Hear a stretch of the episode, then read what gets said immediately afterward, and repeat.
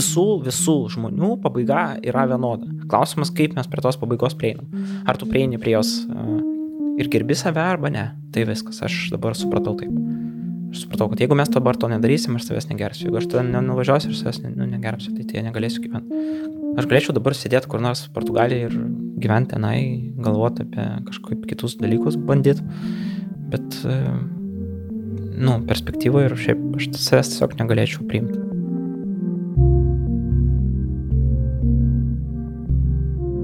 Sveiki, jūs klausote Nara tinklalaidės. Mano vardas Berta Tilmantaitė. Prieš metus su komiku Olegu Šurajevu susitikome jo ofise, kuris vilkėjo, kaip pats juokavo, direktoriaus kostiumą ir pasakojo apie kūrybą, veiklos strategijas, vidinius virsmus. Šį kartą važiavau į Olego šeimos namus Žirmūnuose, kurio vaikystės kambaryje susipažinau su iš Ukrainos neseniai parvežta mačiute Aleftina. Mačiute laikosi neblogai. Pasakoja, kad Ukrainoje buvo baisu, bet čia jaučiasi saugiau ir ramiau. Turit gerą nuką, sakau mačiutai. Pati geriausia nušvinta leptina. Olegas svetainėje mamai ir mačiutai pajungęs televizorių, kad jos galėtų nuolat žiūrėti naujienas, pats iš rankų nepaleidžia telefono. Nuolat seka, kas vyksta Ukrainoje ir koordinuoja ką tik įkurto paramos fondo veiklas. Prieš metus kalbėjome apie būsenas, jausmus, idėjas, dabar apie būtinybę susifokusuoti ir veikti. Nes daugiau nebus taip, kaip buvo anksčiau. Kviečiu į pokalbį. Nu gerai, bandom, whatever. Bandom. Nieko čia blogo nepadarysim dabar vis tiek. Mm. Mhm. Tai kaip tu laikais? Kaip aš laikaus? E, gerai, ne apie mane. Nu, bet vis tiek svarbu kažkaip. A, kaip tu pats? Aš laikaus gerai. Aš laikaus uh, geriau nei gerai. Kažkaip stipriai gan. Uh, žinau, ką veikti. Tai viskas tvarkoj. tai ką veiki? Šiuo metu dirbam ties fondo, dirbam ties mm, paramos. Uh, pasirodo, daug pinigų reikia karui. Aš galvoju visada, kad čia yra pigus dalykas. Nes, nu kaip čia, ne manogi pinigai. Na, reikia paminėti, kad Ukrainos kariuomenė nuo 2014 metų yra pastatyta iš tikrųjų ant nu, savanorių. Vakar buvo savanorių diena Ukrainai. Ar už vakar, nesimenu. Nu, nesmė. Aleksėjas Restovičius čia yra vienas iš patarėjų. Uh, prezidento ofisą Zelenskio dabar sakė, kad visa Ukraina dabar yra savanoriai. Tai aš manau, kad ir visa Lietuva dabar savanoriai. Ir iš esmės, kas yra savanoris? Tai yra žmonės, kaip ir nu, mes kaip ir piliečiai visi esame savanoriai, nes mes savo norų kažkaip dalyvaujam tame visame, uh, visame judėjime, visą laiką bandom organizuoti viens kitam kažkaip padėti, nežinai. Savanoriavim nebeliko profesijoje, jau viskas jau nebeliko tas, kas buvo anksčiau. Aš nebesu komikas jau ir mano kolega nebėra komikas, tai mes visus savo sugebėjimus, kurias turim, ten, nežinau, pinigų rinkimui, ten, nežinau, organizavimų kažkokių tai a, procesų, tai viską skiriam dabar realiai pagalbai. Šiandien ryte, žinai, reikėjo paskambinti Vilniaus krepšinio mokyklą ten dėl vieno berniuko krepšininko vakar į Santariškis sužinoti ten dėl, dėl ligoninės vietos, nes žmogus ten yra supankretytų labai stiprią stadiją, žinai, ten dar, dar, dar ten prieš porą ten dienų užsakyti, ten, žinai, termorūbų, tada sužinot, kaip veikia ten neperšaunamų lėmenių pirkimas iš užsienio. Tada ten vakar registrų centre, žinai, stebim, kaip ten turi būti teisingai apiforminti paramos gavėjo dalyką. Nu tai va, aš manau, kad čia dabar tiesiog savo procesorių smegenų tiesiog užpildai tokiamis užduotimis. Taip pat mes su kolega, kai važiavom dabar Ukrainą, kalbėjom, kad labai paprastas laikas dabar. Labai aišku, kas yra balta, kas juoda. Jokių atspalvių nebeliko, labai aišku, ką daryti. Ir manau, kad tokiam kontekste, nu, aiškiau nei aišku viskas yra. Nu, aš nemanau, kad mes dabar su tavim pradėsim čia kalbėtis dėl ten vėlgi atspalvių. Vat, bet kad nu, kad labai dažnai ta, atspalviai atsiranda jau po to, kai mes viską padarom. Po karo pakalbėsim apie, apie atspalvius. Tai galėsim jau pašnekėti, kaip ten reikia elgtis, kaip geriau padaryti, žinai, kad ateityje to, nu, žinai, nekartot taip pat, žinai. Bet e, dabar tai viskas gan aišku. Tai va, mm. taip ir gyvenam. mes su tavim pernai kalbėjom Beveik prieš metus. Metai, ja. beveik prieš ja, ja. metus, tu tada buvai su direktoriaus kostiumu. Ofise. Kalbėjo ofise ja. apie verslą, apie tai, kaip reikia daryti. O vakar, kai susirašėm, parašy, kad niekada nebebus taip, kaip buvo. Niekada nebebus, kaip buvo. Ką tu tuo sakai? Nu viskas, viskas jau. O karas prasidėjo. karas prisidėjo.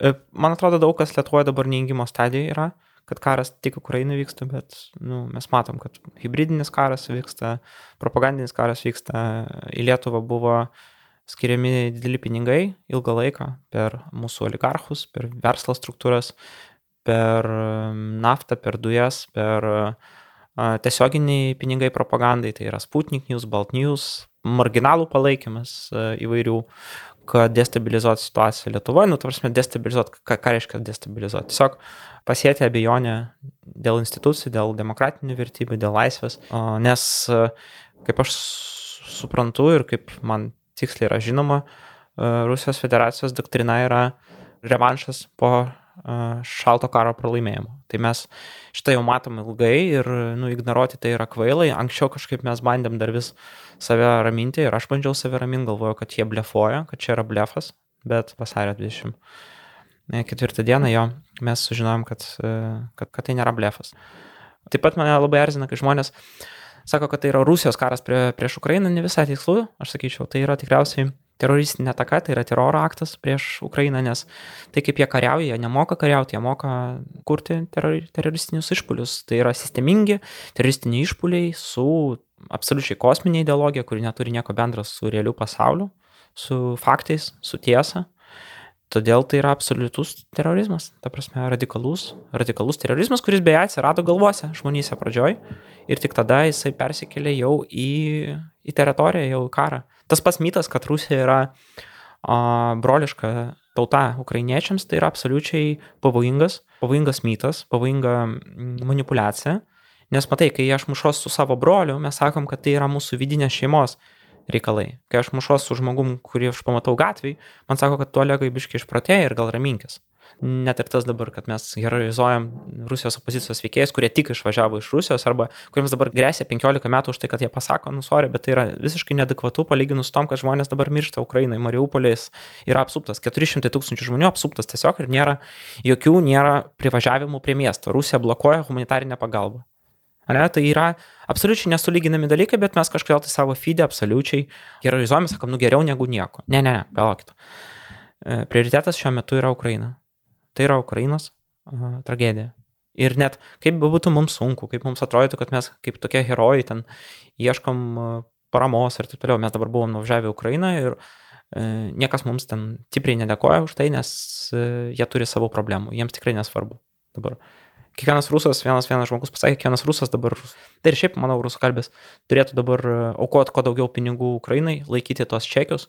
Ir kai vat, bus tas, ta valanda, kai bus kažkoks tai teismas, tai turėt tą kvitą, kad sakyt, va, aš kažką bent padariau, nes, nu, net jeigu Rusija visa šalis atsiklūps ant kelių prieš uh, Ukrainą, prie sienos, uh, prie pasienio, aš manau, kad tai vis tiek neatpirks to skausmo ir tai, ką daro šita šalis. Ir aš pavadinsiu taip, gan radikaliai, bet šiuo metu aš nemanyčiau, kad reiktų atskirinėti kultūrą ir reikėtų atskirti um, bendrą kultūrą, aš kalbu apie tą tokią popsinę, mainstreaminę rusišką kultūrą, aš nekalbu apie atskirus kultūros veikėjas, apie žmonės, čia labai sudėtinga linija tarp kolektyvinės atsakomybės ir asmeninės atsakomybės, bet tikrai ta, na, sakykime, popsinė mainstream kultūra, kuri buvo ilgą laiką propaguojama. Tai aš manau, kad mm, šita kultūra yra atsakinga ir tie žmonės, kurie palaikė tai, kurie su meliausiu noru reikia apie didingą Rusiją, apie didžiausią pasaulio šalį, apie tai, kad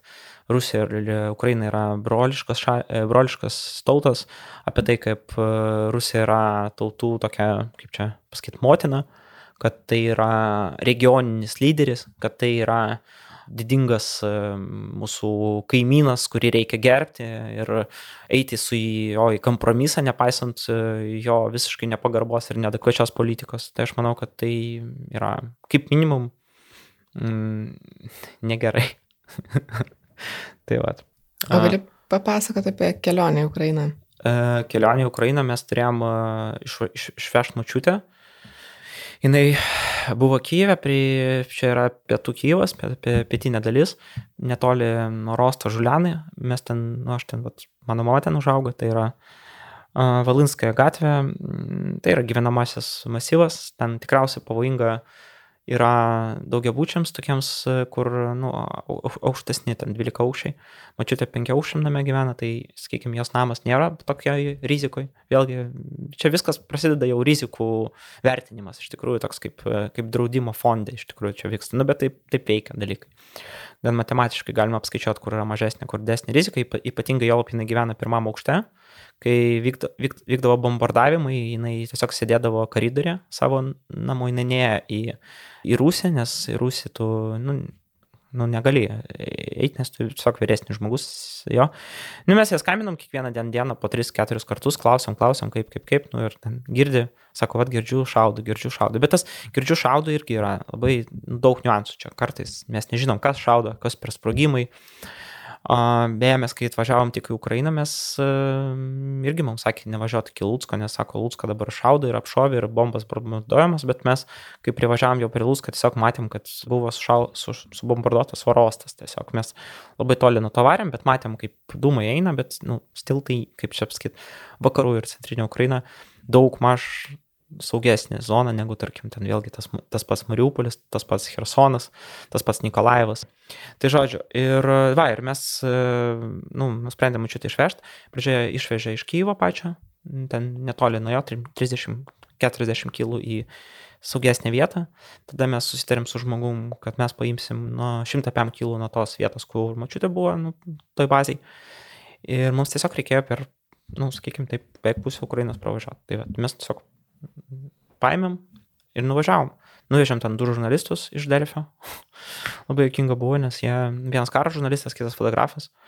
Mm, nuvežėm ten pas Hebrą, nuvežėm humanitarinę pagalbą, paėmėm, paėmėm mačiutę, važiavom atgal, turėjom problemų su, su policija, nes e, įtartinai atrodėm, mus patikrino saugumas, patikrino mūsų kompiuterius, viskas, sėdėjom 3 valandas policijai, ukrainiečiai su mumis kalbėjo, viską įsiaiškinam, pakalbėjom. E, dirbo labai taip profesionaliai, buvo pavojinga labai, nes karo laikas, e, pagal karo laikmetį galima. Nes mes dar padarėm klaidą vieną, mes nufilmavom porą blokpostų, ko negalima daryti. Ir nes metadominis yra, kadrą pateko žmonės. Mes atidavėm patys geranoriškai visas korteles, pasakėm, kad jeigu mes ištrinsim, vis tiek galėsim metadominius atstatyti ir informaciją, tarkim, jeigu mes būtumėm kažkokie ten agentai Rusijos, tai mes galėtumėm informaciją perduoti. Tai va, tai kalbėjom su tarnybom, negaliu ten daugiau sakyti, ką mes darom, negaliu vietų minėti irgi, negalime minėti, visa Ukraina dabar yra be vietovių, nes nežin, neturim žinot, kur kas yra, kur kas vežama, kokia pagalba teikiama, mm, bet kokia informacija, kur yra geolokacijas, kur yra kažkokia informacija apie karius, apie blokpostus, apie jų, kiek ten žmonių, kokie ginklai, kiek jų ten stovi, ar dažnai jie stovi, visą tai pasakoti tiesiog negalima, nes tai gali tarnauti priešai, nes dabar vyksta karas. Sakau, tas momentas, kad vyksta karas, mes irgi galbūt neįvertinam, nes mes važiavom tiesiog su Subaru savo, važiavom su Evaldu savo kolega, kuris jam dvim trys metai, pičiui, 24 man atrodo. Tiesiog nuvažiavom į Ukrainą per pusę karo, tiesiog ten girdėjom, o sirenos, žinai, nematėm pačio pačio karo, nes ne prie fronto, bet stil. Ir, nu ką, neskaičiau, kad labai atsakingas poilgis, bet tai jau tik po to supratom, kai grįžom. Bet iš kitos pusės mums tik šiaip reikėjo tą mečiutę išvežti, nes, nu, aš nežinau, kaip kitaip jinai išvažiuotų. Jinai šiaip nenorėjo išvažiuoti jie įkalbėjo tiesiog. Ir, bet dabar suprantam, kad teisingai padarėm tiesiog. Nes kas jokinga, kad tą miestą, kurią jie išvežė pradžioje, tą bazę, šalia viskas irgi buvo ša, ša, ša, šaudoma ir bombarduojama. Tai va. Aišku, vėlgi, reikia turėti omeny, kad mes, kai įsivaizduojam tą karą, mes jį kažkodėl, tai, nu, vėlgi įsivaizduojam gan totalų ir gan, gan baisų, bet vėlgi ir kare yra a, nu, kažkokie lygiai yra atspalviai. Tai mes turime meni, kad mes turim suprasti, kad net ir kare yra labiau saugesnis, labiau pavojingesnis zonas ir, nu, tokia kelionė buvo, pamatėm iš tikrųjų gan baisų pasienį, baisus dalykas. Chaosas absoliutus, ne dėl to, kad chaosas dėl pabėgėlių. Tiesiog labai turnai padaryta sistema, o ieškomi vyrai visą laiką, kurie nori pabėgti nuo karo, yra tokių žmonių, ukrainiečių, kurie nenori nei kariauti, nei ginti savo šalies, jie nori tiesiog pabėgti, nes jie bijo ir tai, aš suprantu, yra normalu, žmogiška, bet, nu, šiuo metu taip daryti negalima. Mes irgi labai įdomi ten pabuvom prie to pasienio, nes a, mes turėjom žmogų dar pervežti, a, kuris turėjo po to atgal iš Lenkijos atvežti mašinas tenai. Ir su juo sėdėjom, kalbėjom, tai pasakojom jam, ką mes darom, kaip renkam pinigus, kaip, kaip, kaip, kaip ten dirbam prie to, tai jam buvo labai keista, nes sakė, kad mes kažkaip labai įdomiai čia kažkaip labai asmeniškai priemat visą šitą dalyką. Nu, iš tikrųjų, iš tikrųjų tas yra labai įdomus dalykas, nes mes, atrodo, kad tam tavo rato žmonių priema asmeniškai, kuris, kuriais tu bendrauji, su kuriais tu dabar dalinies. Iš tikrųjų aš manyčiau, kad Lietuvoje nepakankamai dar stipriai ir rimtai priema šitą situaciją. Manyčiau. Visą. Mm. Nu, tu gal tai priimi dėl to, kad tu ten gimęs ir tau mm. iš tikrųjų tai yra asmeniška. Nu, faktas, taip, bet uh, man asmeniškai yra labiau galbūt um, visas tas laikas, kai aš bandžiau dabar 8 metus ar kiek čia metus paaiškinti žmonėm kažkokią ten humoro prizmę ar dar kažkaip, kad tai yra pavojus, kad tai yra pavojingas, nu, pavojinga propaganda, pavojinga ideologija. Ir buvo labai sunku su tom kalbėti, nes, žinai, šitas kaip vilkas vilkas ir niekas vilkas neteina ir pagaliau jis ateina ir žmonės kartais net, nu, negali taip, nu, patikėti. Dvi dienas iki karo man aiškina žmonės Facebook'e, kad kolegai, tu nusišnekit faktas, kad aš gal nesmeniškai priimu ne, ne tik dėl to, kad tai yra mano kažkoks tai gyvenimo dalis ar mano gimtinė, bet tai, kad, na, e, nu, aš kažkaip mačiau, kur tai eina. Ir taip pat dar matau dabar, kur tai eina. Ir dabar man truputį pikta, kad mes, kad vėl tu sakai, kad, nu, alio, Hebra, nu, net net tas pats, bet kokie ten Rusijos e, specialiųjų tarnybų informacinės atakos arba kažkokie tai PR sprendimai, tu irgi žmonėm aiškini, bandai pasakyti, kad, nu hebra, aš čia ne, ne savo nuomonę sakau, čia ne mano nuomonė yra. Aš čia dabar ne apie savo nuomonę, aš, nu. Bet labai yra išsiskaidęs tas tiesos, netiesos nuomonių ir būtent, realybių skirtingų. Tai būtent tai yra ilgą laiką buvo ruošiama misinformacijos kampanija. Iš vis, kai mes kalbam apie Rusijos propagandą, mes neteisingai naudojam žodį propaganda, reikia naudoti žodį dezinformacija. Tai va, Rusijos tikslas nėra kažkokia pasėti ideologinį savo na, idėją ir tai propaguoti, kad kažkokia ten kapitalizmo idėja arba kairė idėja arba dešinės idėja, ne, tai yra misinformacija. Jeigu mes skirtingos. Jo, jo, jo, tai jeigu tu pažiūrėsi net Müllerio ataskaitą, kai, a, kai yra kalba apie būtent e, 2000, aš nesimenu, 14-16 metų rinkimai, a, kai Trumpas buvo išrinktas, Tai per visą rinkiminį laikotarpį rusai investavo e, į labai skirtingas stovyklas - į radikalią kairę ir radikalią dešinę. Tai buvo nuo visokių išprotėjusių ten žaliųjų komunistų, kurie ten per Russia Today kalbėdavo visokius vėjus apie imperializmą ir apie tai, kad NATO dabar, žinai, užgrobs e, Meksiką iš serijos, nu, tokie, tokie visiškai vėjai, o nu, iki visiškai radikalių nacistų, kurie ten kalbėdavo, kad, žinai, Amerika yra super tauta, supernacija ir white supremacists, ten proud boys ir, ir taip toliau. Ta prasme, taip pat ir su vakcinom ta pati istorija buvo, kad Rusija užsienė uh, plėtė tokią naratyvą, kad vakcinos savo pavojingos, neištirtos, o viduje jie propagavo visus masiškai vakcinuotis, nes, nu, vėlgi ta vidinė propaganda, išorinė propaganda tarnauja skirtingams, nu, tiesiog skirtingi tikslai. Ir man, man, man labai keista, kad mes dabar iki šiol aptarinėjom, ką kalba Rusija, ką, ką šneka jų oficialūs žmonės. Net ką šneka ir opozicija, mes labai kartais pervertinam iš tikrųjų, ką, ką Rusijos opozicija kalba.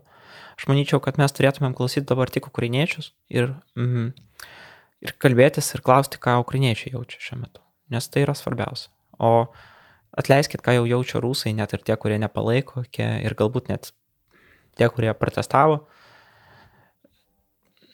Tai ne pirmoji vietoje. Mano bent jau vertybiniai kategorijai. Nu. Mm. Aš perklausiau šiandien mūsų to pernykščio pokalbio mm. ir šiaip net keista buvo, kiek ten buvo ir apie karą, ir apie tą nuojautą kažkokią, ir apie mm tos tarsi realios grėsmės suvokimą, mm. kas tuo metu nu, tiesiog gal ėjo pokalbis, svarbiau buvo kiti mm. dalykai, bet klausant šiandien atrodė, kad nu, tau kaip ir aišku. Jo, aš 8 metus rašiaus. 8 metus aš net turėjau planą kažkada tai tokį infiltruotis į Rusijos visuomenę, kažkokį ten su medija projektais, ten su komedinis, kad turėt galimybę ten kažkaip skleisti kažkokias idėjas, bet gan aiškiai supratau, kad ten truputį nu, ten be šansų. Ten nėra, ta prasme, nėra prasmės. kalbėti apie tai, kad Rusija atsibūs, arba tai galima kalbėti būtent tokiuose visuomenėse kaip, tarkim, Amerika, Lietuva, Prancūzija. Ten galima apie tai kalbėti. Kur yra pilietinė visuomenė. Ta, ta pilietinė visuomenė yra visiškai ištrinta. O tie žmonės, kurie galėtų būti, jie savyje ištrinė tą, tą geną abejonę. Aš net dabar rašau savo draugams Maskvoje ir jie man 9 procentų, kai rašo, jie rašo apie, apie save ir bando numest atsakomybę nuo savęs. Nežinau, aš tai ir dabar manau, kad ir mes truputį numetam atsakomybę Lietuvoje iš save. Net ta pagalba Ukrainai biški yra, kaip čia pasakyti, jinai labai svarbi, bet ne, labai dar svarbu suprasti, kad tai mes ne Ukrainai padedam iš tikrųjų. Tai yra pagalba savo, čia mes save, nu, ginam save daug kam yra tai pasąmonė ir jie to galbūt nesuvokia, bet iš esmės tai yra mes save egzistenciškai šiuo metu gelbėm tiesiog. Tai yra savisaugos normalus instinktas, nes e, mes esame antras frontas. Apie tai nesakoma taip garsiai, neturėtų sakyti taip garsiai, nes jeigu tai bus, nu, kalbama garsiai, niekas nedirbs. Ir nedirbs, neveiks nei ekonomika, nei institucijos, nei, ne, bet mes turim kažkuria prasme tai suprasti. Aš nesakau, kad taip fataliai, uh, Ir tikriausiai aš nebūčiau toks geras analitikas, kas liečia Lietuvos e, situaciją šiuo metu, nes mes tikrai turim daug e, neviešai prieinamos informacijos ir aš manau, kad situacija galbūt yra labiau žinoma ir tikriausiai labiau, nu, kaip čia, jeigu galima tai pasakyti, kontroliuojama, bet bent jau savo aš tikrai nenoriu vaidinti durnių ir stebėtis, kai nedaug dievė prasidės Lietuvoje karas, sakyt, kad, o dievė, kas galėjo pagalvoti. Nu, Kas galėjo pagalvoti? Nu jo, vat, kaip, kaip, vat, kas galėjo pagalvoti, kad Rusija užpuls Ukrainą? Vat, vat, atsibūdom naujam pasaulyje. Ir nieks prieš tai, nu, mus, mums jokių nebuvo ženklų. Pasirodo, paėmė taip ir užpolė. Ne? Pasirodo, va taip, vat, vat, buvo geras kažkoks Putinas, gera visa sistema, nebuvo tų rusiškų dienų Lietuvoje propagandinių, nebuvo tas pušinamas tas Dien Pabėdai visiškai išprotėję kažkokia istorinė falsifikacija, kur žmonės net iki šiol negali priimti normalios atsakomybės už savo istoriją, už savo veiksmus, už tiesiog suprasti, kad tai buvo tragedija, o ne pergalės diena. Nu kas čia per nesąmonė, čia yra absoliutus, absoliutus, nu, revanšizmas, absoliutus fašizmas, absoliutus tai yra absoliuti, absoliutus atkartojimas tų visų to pačių naratyvų, dėl ko tas antras pasaulinis karas ir prasidėjo. Ir mes, ta prasme, tokia, o dieve, nu, nu kaip čia taip prasidėjo? Nu, kažkaip norisi visus taip paimti ir už pečius taip ir taip patrankyti ir sakyti, nu, užaukit jūs pagaliau, nu, kamonu. Jeigu, jeigu aš suprantu šitą dalyką, e, ne pats pratingiausias žmogus, tai o ką jau kalbėti apie žmonės, kurie, kurie, kurie turėtų iš tikrųjų dabar kalbėti, nes mes taip pat save ir um, truputį tokią mantrą raminam, kad Ukraina kariauja gerai, Ukraina kariauja gerai, Ukraina laikosi gerai. Ukraina laikosi gerai, nes kitaip mes, ne, ne, nu, tik kitaip jie nekariautų. Kitaip jie, jeigu jie turėtų kitą mindsetą, jie nekariautų taip, kaip jie dabar daro. Ką jie darė, daro dabar kariaudami už visą Europą, už, visų, už visą vakarų pasaulį, gina viena maža Ukraina, realiai. 200 tūkstančių, 205 tūkstančių karių, ne, reguliarios kariuomenės. Aš neatsimenu tikslaus skaičių, bet už visą Europą kariauja pat tiek žmonių visi nori status quo išlaikyti ir, ir, ir, ir pasi, minim, minimalias pastangas uždėti ir, ir užsimerkti ir matyti, kad viskas, viskas nu, pra, kažkaip stebuklingai pra, pra, pasibaigs. Tai yra dvasiniai narkotikai, mentalūs narkotikai, kai mes vartojame. Mes galvojam, kad kažkas ateis pas Putinai bunkerį, nušaus per pirmą kanalą propagandinį Rusijos televizijos išėjai žmonės ir pasakys visą tiesą, žmonės stebuklingai atsibūs. Jūs galvojat, kad rusai nežino apie Putiną, apie jo nusikaltimus? Jūs galvojat, kad nežino, kad Putinas nužudė Borisą Nemcovą, nužudė Aną Politkovską. Nežin, ne, jie nežino, kad e, Navalny buvo apnuodytas. Jie žino tai. Ir jiems apie tai buvo pasakyta ne kartą. Ir jie žino, kur jie gyvena, jie žino gyvenimo taisyklės, jie žino Rusijos vidinės kriminalinės taisyklės ir jie gyvena pagal tas kriminalinės taisyklės. Kiekvienas, kiemas. Mano vaikystės metu, kai aš kiekvieną vasarą praleisdavau Rusiją, nes mano tėvas ten dirbo, kiekvieną skiemas Rusijos miestuose, skirtingose miestuose, skirtingose regionuose, gyvena pagal kalėjimo panetkės. Vaikai, kuriems yra 14-15 metų. Tai yra fundamentali problema, fundamentali pro problema, jie negalima, aišku, sulyginti su kažkokia ten rasinė teorija, nedaug dievė, ne, aš nedaug dievė sakau, kad kažkoks yra genas rusiškas. Ne, ne, ne, tiesiog yra auklėjimas, išsilavinimas, kultūra, ta mainstream kultūra pagrindinė. Vertybinė sistema, pagal kurią žmonės uh, gyvena, kaip jie, jie išpažįsta jį. Rusijoje susijungia labai baisus hybridas visų įmanomų, visų įmanomų blogybių. Jie paėmė blogiausią nuo kapitalizmo, blogiausią nuo, nuo demokratijos. Pavyzdžiui, demokratiją jie paėmė tik rinkimus, tas vadinamasis, bet jie nepaėmė jokių demokratinių procedūrų, ten nepriklausomų teismų, nepriklausomų institucijų, lygų finansavimą, ne, partijų, a, a, žiniasklaidos laisvės. Paėmė, bet paėmė tik rinkimus, kaip, kaip, kaip kažkokia, kas yra iš esmės pats šlikščiausias dalykas, nes bet koks šlikštus populistas rinkimus gali laimėti. Bet jeigu sistema yra skaidri ir toje sistemoje tas šlikštus populistas yra kritikuojamas ir tikrinama, tikrina, jis tikriausiai taip paprastai nelaimės. Putinas neturėjo niekada politinių debatų, ne su vienu savo oponentu per visą istoriją, per visus čia jau 20 N metų.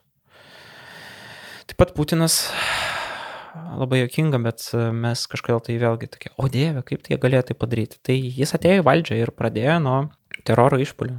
Jis pats e, FSB susprogdina daugiabučius. Jie neprieštaravo tam tikriems teroristiniam išpoliam ir išnaudoja tos teroristinius išpolius savo naudai. Nežinau, man labai keista, kad mes taip dar, vis dar tikimės, kad Rusija atsibūs, kad ten kažkas atsitiks. Mm, bandom tą kažkaip drakoną pavaizduoti kaip kažkokią tokią biškę geresnę, minkštesnę negu jis yra. Nu, čia yra, nu, nu, čia yra šizofrenija. Su, sunku. Nu, tai taip, nu, bet sunku, nu, su, sunku suprasti, kad tavo, tarkim, ten, nežinau, tėvas arba ten brolis yra nusikaltėlis. Ten, ne? Nu, nu, aš suprantu, kad norisi kažkaip, nes mes dar tiek daug su rusų bendro turim, ten kažkaip e, televiziniai kanalai, ten visokie ten giminės kažkoks, ten tarp praeitį, ten pas kažką ten senelį, mačiutės kažkur ten keliavo visi kažkaip ten tą rusų kažkiek tai kultūrą užjaučia, ten visada yra tas dalykas, bet, nu, nežinau, nu, gal laikas jau biškai užaukti visiems. Ne, nu, mes aišku galim ir, nu, įvairių čia yra scenarijų. Čiagi vėlgi, niekas, ne, niekas nežada niekas nežada lengvų, greitų sprendimų. Čia, čia pats aš nežinau, kaip čia turi būti. Aš neturiu recepto dabar, kaip uh, išgelbėti Rusiją. Aš žinau dabar, kad reikia tiesiog susikoncentruoti į pagal, pagalbą Ukrainai.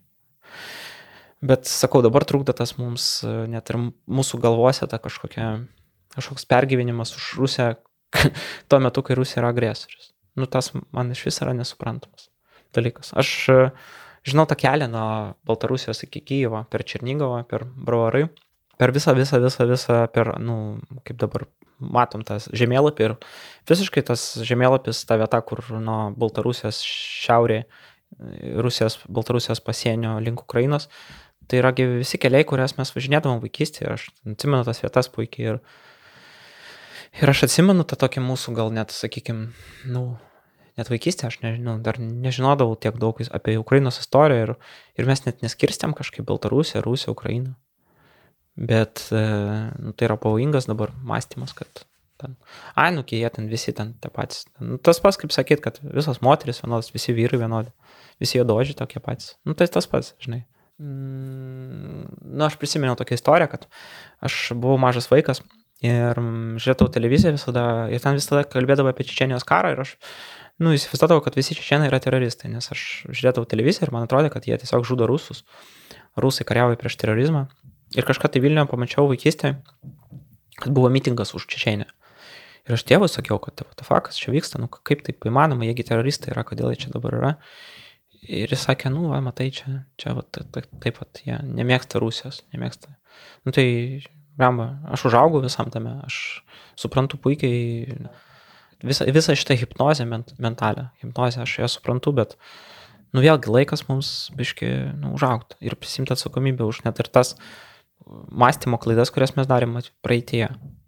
Bet o kaip tavęs neužhipnotizavo? Hipnotizavo, bet e, su laiku, nu, pabiškiai supranti dalykus. Pabiškiai. Nu, tai yra sunkus procesas, tai negali taip pat paimti ir atsibūst kitoj realybei. Ne, nu tu pabiškiai supranti, kad kažkur žodžiai nesutampa su praktika. tada žiūri, o kažkaip istoriniai faktai truputį prieštarauja, tada žiūri, o čia truputį netaip yra, tada kažkaip pradedi mm, nagrinėti visų šalių kultūras. Man sakė visą laiką, kad Amerika, Amerikoje nėra kultūros. Taip, pavyzdžiui, sakydavau, nu Amerikoje, nu kiek ten jie, 300 metų šaliai, nu kokia čia kultūra. Tada supranti, kad oho kokia. Ir kai tu ją išmoksti, supranti, skaitai, žiūri, keliauji, tai supranti tada nu, čia sunkus procesas, mes, mes pabiškiai ir ten, žinai, yra praktiniai dar tokie dalykai, žinai, mes Kryme turėjom, man tėvai žemės turėjo nusipirkę ir nuo 2014 metų į Krymą niekas nevažinėjo.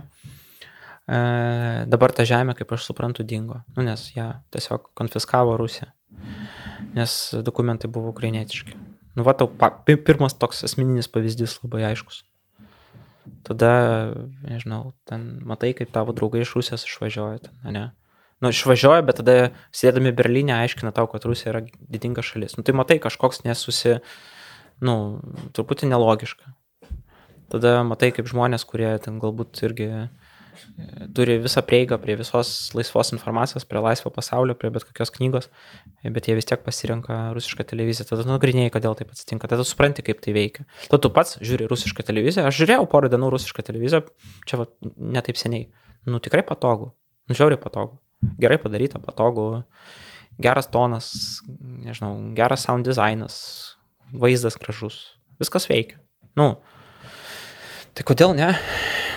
Kodėl ne. Taip pat labai klaidingai lyginama, tarkim, ten sako, ką Lietuvoje nėra propagandos, ką Amerikoje nėra propagandos. Nu, mes lyginam tiesiog demokratiją ne su demokratija. Tai prasme, visur yra įvairios propagandos, tik klausimas, kokia yra kontr, kontrapropaganda, ta propaganda. Jeigu tu turi monopolį propagandai, nu, tai jau yra autoritarinė, totalitarinė sistema Amerikoje ir Lietuvoje yra visą laiką kontrapropaganda. Mes net ir generalinį liniją Lietuvoje turime ten kažkokiai, sakykime, ne tai, kad generalinį, žinau, ir galime pavadinti, kad pas mus yra generalinė linija, bet Nu, žinai, vat, sako žmonės, 2 prieš 2 yra 4 ir atsiranda žmonės, kurie sako 5, 5, 5, jūs čia turit generalinę liniją. Nu, ne, mes tiesiog esame nu, susitarę kažkaip žmonėje, kad 2 kartų yra, nu, 4, o ne 5. Tai truputį jau, nu, kita istorija, bet šiaip tai žinai. Čia vėlgi buvo labai įdomi istorija, aš kažką tai kėliau ten kažkokį video į TikToką, kur mes Putiną trolinam. Ir man kažkoks žmogus ten komentaruose, jis ten spamino, ten prirašė vos ne šimtą komentarų, kad Rusija ten yra geriausia, tu ten nekenti jų, ten viskas čia Putinas yra gut. Tipo, o ką Amerikoje nėra, nu visą tą rinkinį, visos, visos, visos e, durnos propagandos. Ir po kažkokio mėnesio aš uh, mačiau, kad tas pas žmogus man Instagram'e ir requestus klausinėja manęs, kaip gauti leidimą gyventi Lietuvoje. Tai va, nu tai aš manau, kad vis iš Rusijos. Mm. Va, prašau. Tas pats ir su tais pačiais Rusijos uh, na, oligarchais. Jeigu dabar nieks taip e, griežtai nepasmerktų Rusijos e, agresijos prieš Ukrainą, aš manau, kad daugelis tų žmonių, kurie dabar staiga praregėjo, jie taip pat el elgtųsi. Tiesiog, nu, keičiasi aplinkybės, žmonės, nu, jau ten kalba iški kitaip, nes, nu, tiesiog jaučia egzistencinį pavojų. Tai, tai kažkokiu momentu ir aš jutau tą, sakykime, tokį, nu, ne tai, kad egzistencinį pavojų, nu, bet tokį tiesiog kognityvus disonansas būdavo, kad nesutampa ta tokia generalinė propagandos linija rusišką su realybė. Nu, tai, tai va. Hmm. Aną kartą daug kalbėjom apie tai, kaip, nu, tu sakei, kad esi išgyvenęs visą tai, kas buvo istorijoje. Mm -hmm. Ir sunkiai tą perėjai ir skaudžiai, ir tarsi išgyvenai ir holokaustą, ir tremimus, ir visą kitą. Ja. Todėl man lengviau apie tai kalbėti ir galvoti šiaip. Mm. Dėl to man Man sakė, Olega, kaip galima juokauti apie ten holokaustą per stand-upus, aš taip sakau, labai easy, nes aš čia jau šitą dalyką išgyvenau ir puikiai, nu, čia jau yra toks po, post, post viskas. Jo, bet tu tą išgyvenai, žinai, taip, nu, iš istorinės perspektyvos. Iš istorinės, negyvai, jo, jo. O dabar turi išgyventi gyvai. Gyvai, jo. Mm. Tas pats, iš esmės, taip pat sunku. Ten buvo sunku, dabar gal tiesiog sunkiau, nes tu nežinai, kom baigsis viskas. Tiesiog mm. tokia gal ta galbūt atominio sprogimo, atominio, atominės žiemos, brandalinės žiemos vaizdas gal tave kitaip nuteikia. Vienintelis dalykas. Mhm. O, o šiaip tai ten, kad mirties baime kažkokia čia, aš kažkaip visiškai su, susitaikęs su tom. Nes įdomu ir tai, kad taip atrodo, kad kuo daugiau beprasmybės, tuo ir prasmės daugiau kažkaip atsiranda. Ir mes aną kartą kalbėjom apie mm. tai, kad gal nėra prasmės, gal sudėtinga, gal sunku. Dabar tu sakai, kad tau viskas gerai, tu žinai, ką daryti, viskas aišku. Taip pat ir ne, taip pat ir ne, nes tu supranti, kad visa pabaiga to viso dalyko, loginė pabaiga viso dalyko, totalus, totalus susinaikinimas vis, visų, visų žmonių, žmonijos absoliučiai.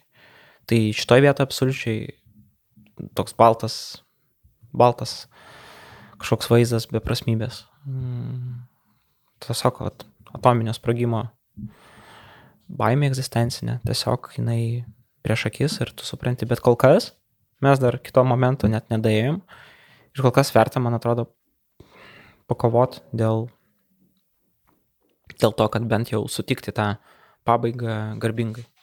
Čia esmė yra dabar. Tai kad visų pabaiga ta pati bus. Visų, visų žmonių pabaiga yra vienoda. Klausimas, kaip mes prie tos pabaigos prieinam. Ar tu prieini prie jos uh, ir gerbi save arba ne. Tai viskas. Aš dabar supratau taip. Aš supratau, kad jeigu mes dabar to nedarysim, aš savęs negersiu. Jeigu aš tada nenuvažiuosiu ir savęs nu, negersiu, tai tai negalėsiu gyventi. Kokia prasme gyventi, jeigu tu... Aš galėčiau dabar sėdėti kur nors Portugalijoje ir būti tenai. Gyventi tenai, galvoti apie kažkokius kitus dalykus, bandyti. Bet, e, nu, perspektyvoje ir šiaip aš savęs tiesiog negalėčiau priimti tada kitaip. Nu, tai čia paprastas dalykas yra. Paprastas, e, elementarus, e, toks labai dalykas tuo pačiu metu, kad bendrame labai, bendrame fone, bendroj situacijai, tu supranti, kad jo yra visiška egzistencinė beprasmybė, baimė tos beprasmybės, amžinybė, kur nežinai, ar jinai amžinybė, kas, kas, kas yra mirtis, kokia jinai bus, bet e, faktas, kad dabar mes kovojam nu, dėl savo vidinės nu, pagarbos savo. Čia taip yra. Ir be abejo, šiuo metu mes mažinam, mažinam skausmą Ukrainos žmonių. Čia yra esmė. Šiaip pagrindinė dabar esmė. Dėl to, po to, jeigu tu dabar to nedarysi, neminimizuosi to skausmo ir nedarysi viską, kas tavo jėgos, tiesiog negalėsi savęs priimti. Faktas. Nu, aš tiesiog žinau, kaip bus. Ir viskas, nu, čia labai lengvas projektavimas į priekį. Jeigu mes dabar ne, nepadėsim Ukrainai, mes savęs negersim niekada gyvenime. Net jeigu Ukraina laimės. Ir ten viskas bus gerai galų gale. Aišku, taip nebus taip sunkiai egzistenciškai išgyvenama, bet, nu, stil tai yra, nu, svarbus momentas yra. Aš vis manau, kad Ukraina laimės. Ir į eilę visi stos prie Ukrainos ir atsiprašinės, bandys surasti savyje ukrainietiško kraujo, bandys ten, biški, jau dabar mes matom, kaip žmonės ten save muša į krūtinę ir riekauja, kaip aš pagalbinėjau, kaip aš darau, kaip aš čia skiriu ir taip toliau, tai yra labai gerai ir tegul tai būna, bet nu, mes jau supratome, nes jau visi visiškai suprato, kur yra geris, kur blogis yra, kur, kurioje pusėje geris, kuris blogis. Yra bent viena įmonė kažkokia, tai ne įmonė, whatever, žmonių organizacija, kurie nuoširdžiai, nuoširdžiai rinktų dabar pagalbą Rusijai. Bent pasaulyje yra kažkokie, nu gal yra kažkokių marginalų išpratėjusių. Čia neiš, net neįsivaizduojamas dalykas dabar tiesiog. Tai faktas, kad mes dabar tikrai žinom, už ką kariaujam, kodėl kariaujam. O kad bendrai visa nu, yra kažkokia egzistencinė beprasmybė, nu, tai čia jos, nu, ne vis permanent, nu, jinai visada yra, visada yra ir bus. Bet tai ne, ne, neatleidžia nuo atsakomybės daryti dalykus, apie tai, ką mes kalbėjome su tavim ir praeitą kartą. Ir, ir visą kalbamės, kad taip, mes visi mirsim, taip. Mes nežinom instrukcijų tiksliau, bet e, tai nereiškia, kad nereikia keltis ryte, nu, valytis dantis, eiti darbą, daryti viskas, kas tavo dėti visas pastangas, kad kažkaip daryti kažką reikia. Nu taip, tiesiog. Ne, galima, galima ir kitaip, aišku, viską daryti, bet man tai atrodo, kad dabar medituoti iš viršaus ir kalbėti meto prasmėm šiuo metu yra kaip minimum tai yra šlikštų. Kaip minimum tai yra šlikštų ir mm, egoistiška ir, na, nu, aš neįsivaizduoju, kaip. Ne karo metu jo galim pakalbėti. Dėl to, pavyzdžiui, dabar visokie, sakykime, tokie sofistikuotos ideologijos, tokios politinės, visiškai nebeturi prasmės. Kažkokios meta prasmės dabar nebeturi, nu, jokios praktinės prasmės šiuo metu, nes jeigu mes dabar ieškosim atspalvių ten, kur yra balta arba joda, tai yra šlikštu. Tai yra šlikštu. Tai koks tavo veiksmų planas? Šiuo metu, nu kaip, Ko daugiau nusipirkt uh, ginklų, uh, kuo daugiau nusipirkt, uh, nenusipirkt, kuo daugiau nupirkt ginklų, kuo daugiau nupirkt pagalbos Ukrainai, žmonėm ten išvežti kuo daugiau žmonių. Aš atsimenu filmą Šindlerio sąrašas, labai paprastas, idealus filmas, uh, instrukcija, ką dabar veikti. Tiesiog, jeigu jūs anksčiau darėt kažką, nežinau, su verslu, kuris galbūt buvo blogas, skirkit visus pinigus pagalbai. Esat Visvaldas Matešaitis, parduokit visus savo gamyklas, nereikalingus verslo aktyvus, e, išparduokit, skirkit pinigus Ukrainai, padėkit. Išskirkit resursus, visus įmanomus. Kovokit prieš tą blogį. Minimizuokit Rusijos mm, mokestinę dalį, kurie gauna iš importo, eksporto, whatever. Neleiskit jiems uh, uždirbinėti pinigus. Vaikotokit verslus, kurie dirba su Rusija. Uždarinėkit tos verslus. Ir pagalba, pagalba, pagalba, tik pagalba. Stiprinimas Ukrainos, silpninimas Rusijos. Ir be abejo, siuntimas, visa, siūst visas įmanomas žinutės ang, angliškai. Anglų kalba vakarų pasaulyje, nes vakarų pasaulyje čia kol kas e, vakarai realiai miega dar kol kas, aš manyčiau. Mes atsibundam pabiškiai, bet matot, mes turim, na, suprast, kaip į mus po to žiūrės ukrainiečiai. O kol kas mes, man bent jau man atrodo, kad kai Ukraina laimės karą, nebus, kad jie padėkos NATO ir sakys ačiū Jums už viską. Ne, jie tikrai pasakys dėl mandagumo. Bet kad jie viduje ką jie galvoja, aš galiu pasakyti, kad viduje dabar jaučiasi, kad jos išdavė. Tiesiog išdavė. Ką daryti, labai aišku, ką daryti.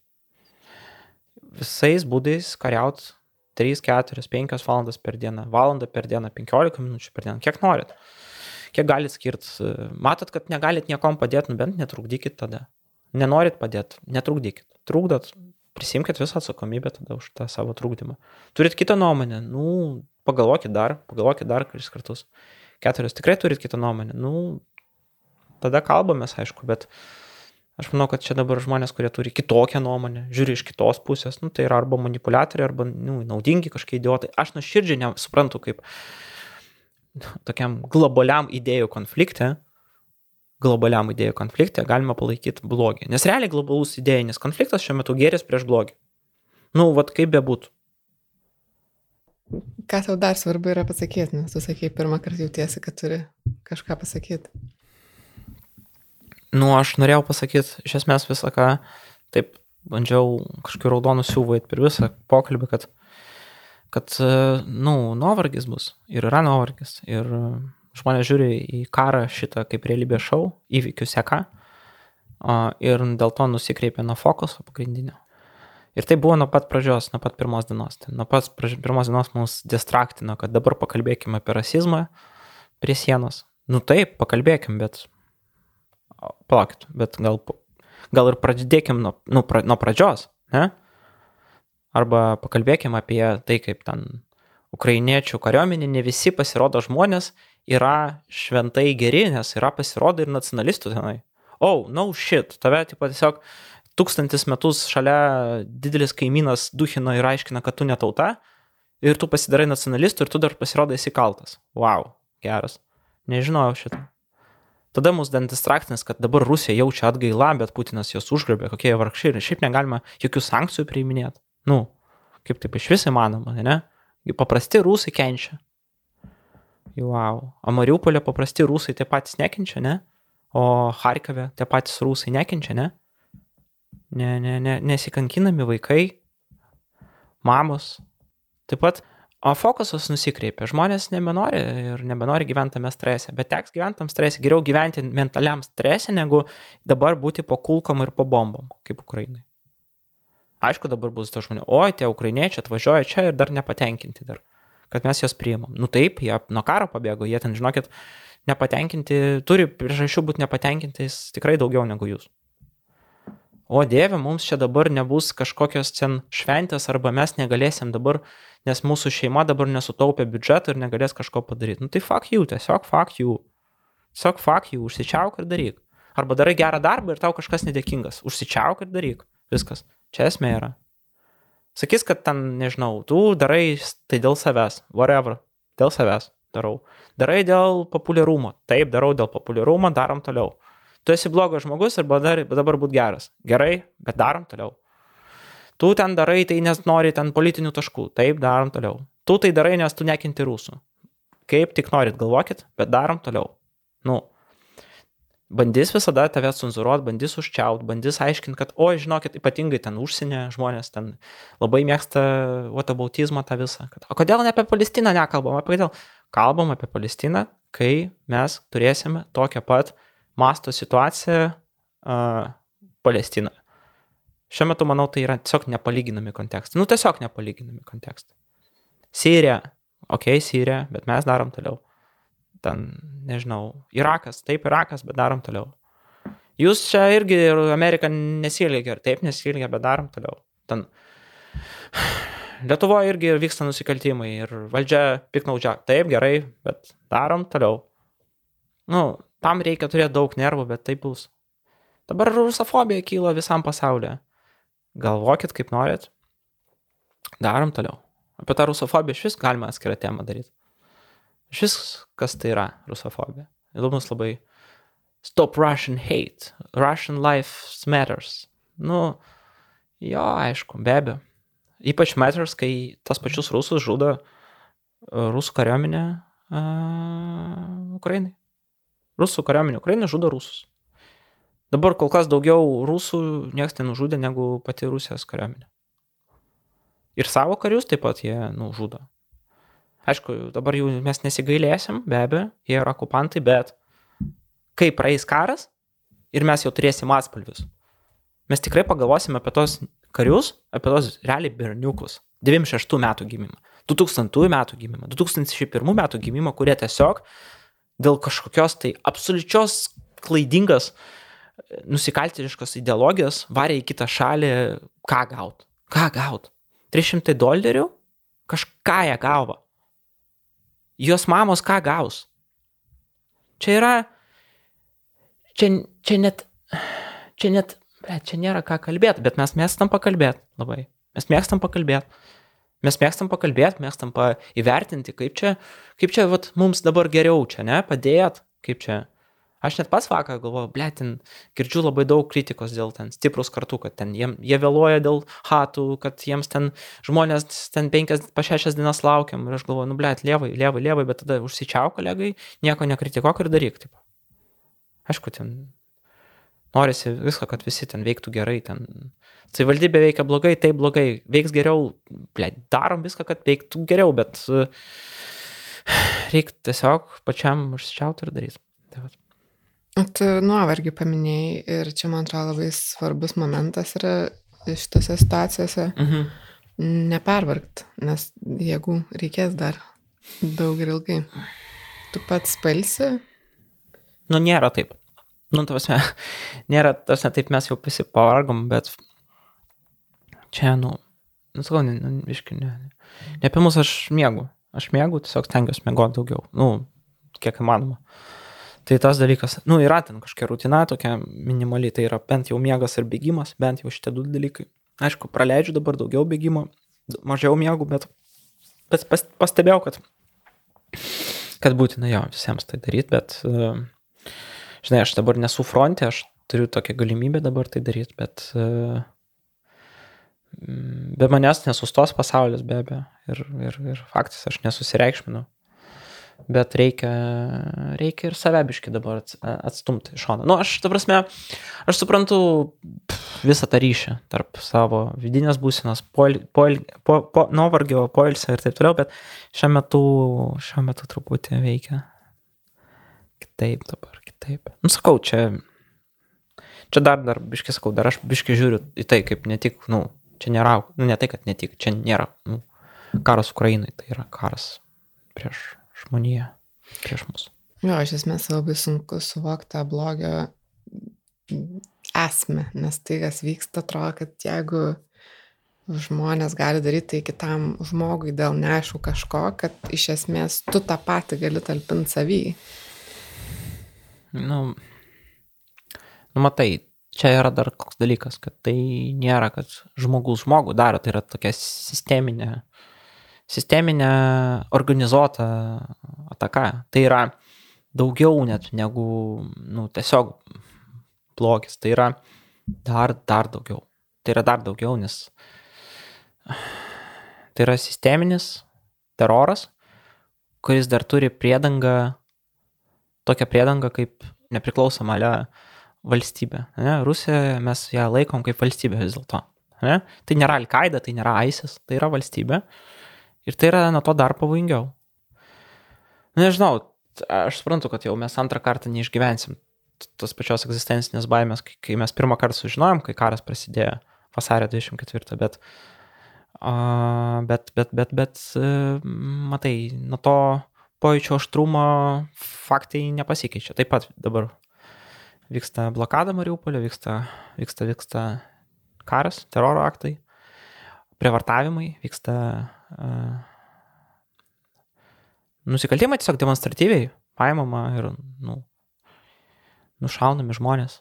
Uh, yra daug telefono skambučių, kur kalbama būtent apie tai, kad reikia šaudyti civilius, kad visa šalis bijotų, nes tu, kai tu okupuoji šalį, tu okupuoji ne pastatus, tu okupuoji žmonės, tu okupuoji visą aplinką.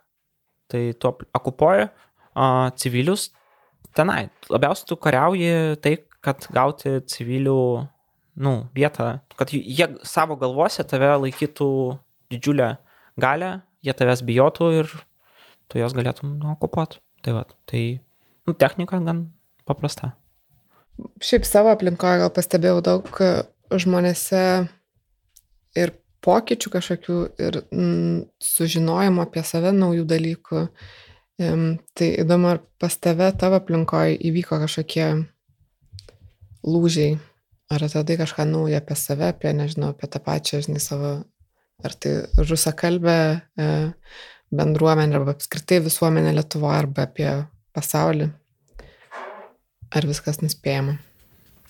Man tai nuspėjama labai viskas buvo. Aš e, mačiau pirmas dienas, kaip ten daugelis rusakalbių iškart jau užsidėjo ant savęs kažkokią aukos, aukos kostiumą, kad jie, kad čia dabar vat, stop Russian hate, stop Russian, ten kažkaip Russian lives matters. Bet e, aišku, bus čia daug, aš sakau, čia bus ir, bus ir yra daug klaidingų, manipuliatyvių reakcijų, daug, e, daug melo Vėlgi FSB PR mašina labai gerai veikia. Jis labai subtili. Dvi paprastos taisyklės yra šiuo metu. Pirma, viską, ką jūs e, girdit iš uh, rusiškos erdvės informacinės, viskas 99 procentai bus melas. Arba melas, arba manipulacija, arba bus tam tikras, uh, su tam tikrais atspalviais specialiai padaryta, kad tam, kad sukelt abejonę, nu, tai bus dezinformacija tam tikra. Ir antras dalykas, mes dabar turim galvoti tik apie tai, kaip apsaugoti, nu, Ukrainą, tik Ukrainą, tik Ukrainą. Toks durnas dalykas iš tikrųjų skamba gan tupai ir kvailai, kad tai, taip, Ukraina, tik Ukraina, tu, tu, tu, tu, viskas daugiau nieko. Nu, bet, nu kaip čia, dabar šiuo metu nėra kitų variantų. Nėra tiesiog. Nu, nenukreipkim nuo esmės. Esmė yra dabar tokia, kad mes dabar neturim tokios prabangos savo skirstyti viską į atspalvius. Dabar reikia reikia atsilaikyti kažkaip. Mm. Bet sakau, atsilaikyti, nu, gal pavyks, gal pavyks. Ir tada atsilaikys ir kas tada, žinai, kas tada. Ar įmanoma per, perstatyti pasaulinės, pasaulinės tos saugumo architektūrą, ar galima ją kažkaip perstatyti, nežinau. Ar mes galim turėti tokias šalis kaip Rusija, Kinė, kurie turi tokią galę E, brandolinį ginklą ir e, visiškai išprotėjusią ideologiją. Ar mes galim taip turėti? Ir sakom, blemba, Rusija korupcija yra. Ir ten atsimenu mūsų ten mėgstamiausi visi ten Rusijos opozicijos veikėjai ilgus metus uh, rodė, kad va, Rusijoje korupcija, Rusijoje korupcija. Tai ačiū Dievui, kad korupcija. Tai dabar tą korupciją gelbė Ukraina. Nes per tą korupciją vietoj tankų ten buvo statomi muliažiniai tankai ir ačiū Dievui, kad tai buvo. Nes dabar mes tiesiog mažylė. Tai va, tai dabar mes tiesiog turėtumėm dar didesnį monstrą. Tai ačiū Dievui, kad mm. korupcija tą monstrą biškė. Mažylė! Kalbant apie monstrą. Ateik čia. Bent ant rankų bus, ramiau bus. tai tu nebe komikas dabar. Ne, nu aš komikas, bet uh, dabar tiesiog laipsnis labai stipriai pakylo. Nes... Ir aš tiesiog, ne, matai, aš, aš vakar buvau atviram mikrofonė, aš pasirodysiu, aš pasirodau, bet laipsnis dabar kitoks yra, dabar, nu, dabar žiauriau visą. Ta komedija yra žiauresnė dabar, jinai yra, nu, tokia jinai yra tra, tragiškesnė visa tiesiog. Ir tiesiog kalbė apie, apie tikrai sunkius dalykus, jeigu taip įsi, įsigalvot. Paviršutiniškai tai aišku, gali nuskambėti viskas kaip bairiai, ha, ha, ha, bet taip jeigu imtai, nu, giliai čia, giliai, giliai. Nėra, kad aš dabar išeisiu toks, žinot, vat, moteris, vyrai, ne, pas mane beveik visas materialas dabar apie tai, kas vyksta, apie karą, apie, apie, apie, apie išgyvenimus, apie tai, kas mes darom dabar daug, daug tokių, nu, būtent apie, apie, apie tai, kas, kas vyksta šiuo metu su, su Rusija, su Ukraina, su pasauliu. Pagrindė aišku, kas, kas jo, iš perspektyvos Ukrainos palaikymo, tik tai taip. Nu, kito, kito konteksto nėra čia. Bet ten irgi daug, daug labai, nu, daug ką galima kalbėti, daug ką galima. Daug vietą humorui tokiam, tamsiam, sunkiam, jodam, bet, nu, bet humorui. Tai vad. Nu, kaip mačiute? Mačiute gerai. Mačiute gerai, atvažiavo čia, jie čia saugiau, geriau, jie užregistravo, viską padarė. Viskas uh, laikosi ant tokio kažkokio lik ir gero vaibą. Mes visi esam dabar dėkingi labai aplinkybėm, žinai, žmonėm, kurie padėjo. Uh, dabar kol kas viskas sekasi gerai, sakau, sekasi gerai, bet dabar dar, dar tiek daug klausimų, dabar tiek daug problemų dėl, dėl ne tik, nu, mačiutės ar kitų žmonių ir, wow, ta prasme, ja, jie, jie ką, jie, mes žinom, kad padarėm viską, kad jie apsaugot, ta prasme, mes žinom, kad keliavom tenai į Ukrainą, darėm tokias loginės, sakykime, klaidas, nes nu, mes nesam pasiruošę karui, mes nekarėjai esame, mes tikrai darėm neatsakingai, bet mes padarėm viską, ką galėjom padaryti. Dabar dėl šito esu ramus, dėl šito aš mėgų labai ramu. Dabar tai dirbom toliau, kad darytų viską, kad ko išgelbėti, kad daugiau žmonių, sakau, Šindlerio sąrašas. Nesvarbu, kam tu buvai prieš tai, ką tu darėjai, kiek tu turi pinigų, mes aukojam, aukojam, aukojam, aukojam, darom, darom, darom, aš jau ten išleidom daug pinigų savo. Ir išleisim dar, ir surinksim dar, ir viską padarysim ir nebūtinai savo, nu, tasme, rinksim nebūtinai, kad per savo fondą, skirsim kitiems fondams, jeigu turėsim, tasme, jeigu pasiseks, tai viskas čia, nu, ne apie mūsų, ne apie, ne apie fondą, net ne apie... Tai, va, tai aš labai džiaugiuosi, kad mes čia dabar toj esam veikimo kažkokiai stadijai, galbūt galima dar daugiau, sistematiškiau ir bandysim tai daryti, bet kol kas aš gan esu nusiteikęs bent jau ties pagalbos, ties jau bent jau, kad jaustis, kad viską padarėjai, aš tikrai esu šimto procentų, šimto procentų, šimtas procentų viskas. Aš labai patenkintas esu taip, kaip mes dabar uh, dirbom, analizuojam, dar informacinis karas prieš akis, mes turim labai daug gerų šovinių, taip mes žinom, ką daryti. Tai, na, nu, aš, aš puikiai suprantu, kaip mes, uh, kaip mes laimėsim reikia dabar tik tai pastangas visas sudėti ir mes tikrai laimėsim, visiškai laimėsim. Dabar mes nėra jokių net klausimų, net, nu, aš, sorry, bet. Toks mūsų epizodas šiandien. Ačiū, kad esate kartu. Kviečiu pamatyti Olego ir jo mačiutės fotografijas mūsų internetinėje erdvėje nara.lt. Ten taip pat rasite informaciją, kaip prisidėti prie Olego veiklos ir skirti paramą ką tik jo komandos įsteigtam paramos fondui. Šio epizodo montažo režisierius Adomas Zubė, muzikos autorius Martynas Gailius. Olegą kalbinau ir fotografavau aš, Berta Tilmantaitė. Nara erdvėje taip pat rasite daugiau tekstų bei tinklalaidžių, Pavyzdžiui, interviu su profesorė Danute Gailienė, pokalbį iš Lvyvo Ukrainoje su mūsų bendradarbiais Tomu ir Deniu, taip pat su ukrainiečiais Maja, Kirilu ir Vlada, karą išgyvenančiais jau antrą kartą. Jei norite prisidėti prie mūsų nepriklausomos žurnalistikos finansiškai, tą padaryti galite Contribui ir Steady platformose, taip pat bankiniais pavedimais ar skirdami 1,2 procento savo pajamų mokesčio. Daugiau informacijos apie tai rasite nare.lt skiltyje apie bei šio epizodo prašymę. Kviečiu sekti mūsų Facebook ir Instagram paskyras. Ten rasite daugiau fotografijų ir pasakojimų. O jeigu pavargote nuo socialinių tinklų, užsiprenumeruokite mūsų naujienlaiškį. Jame jūs pasieks ne tik naujausios publikacijos, bet ir komandos naujienos bei vairiausios rekomendacijos. Šiam kartui tiek. Kiek įmanoma ramesnių dienų linkiu. Iki kitų susiklausimų.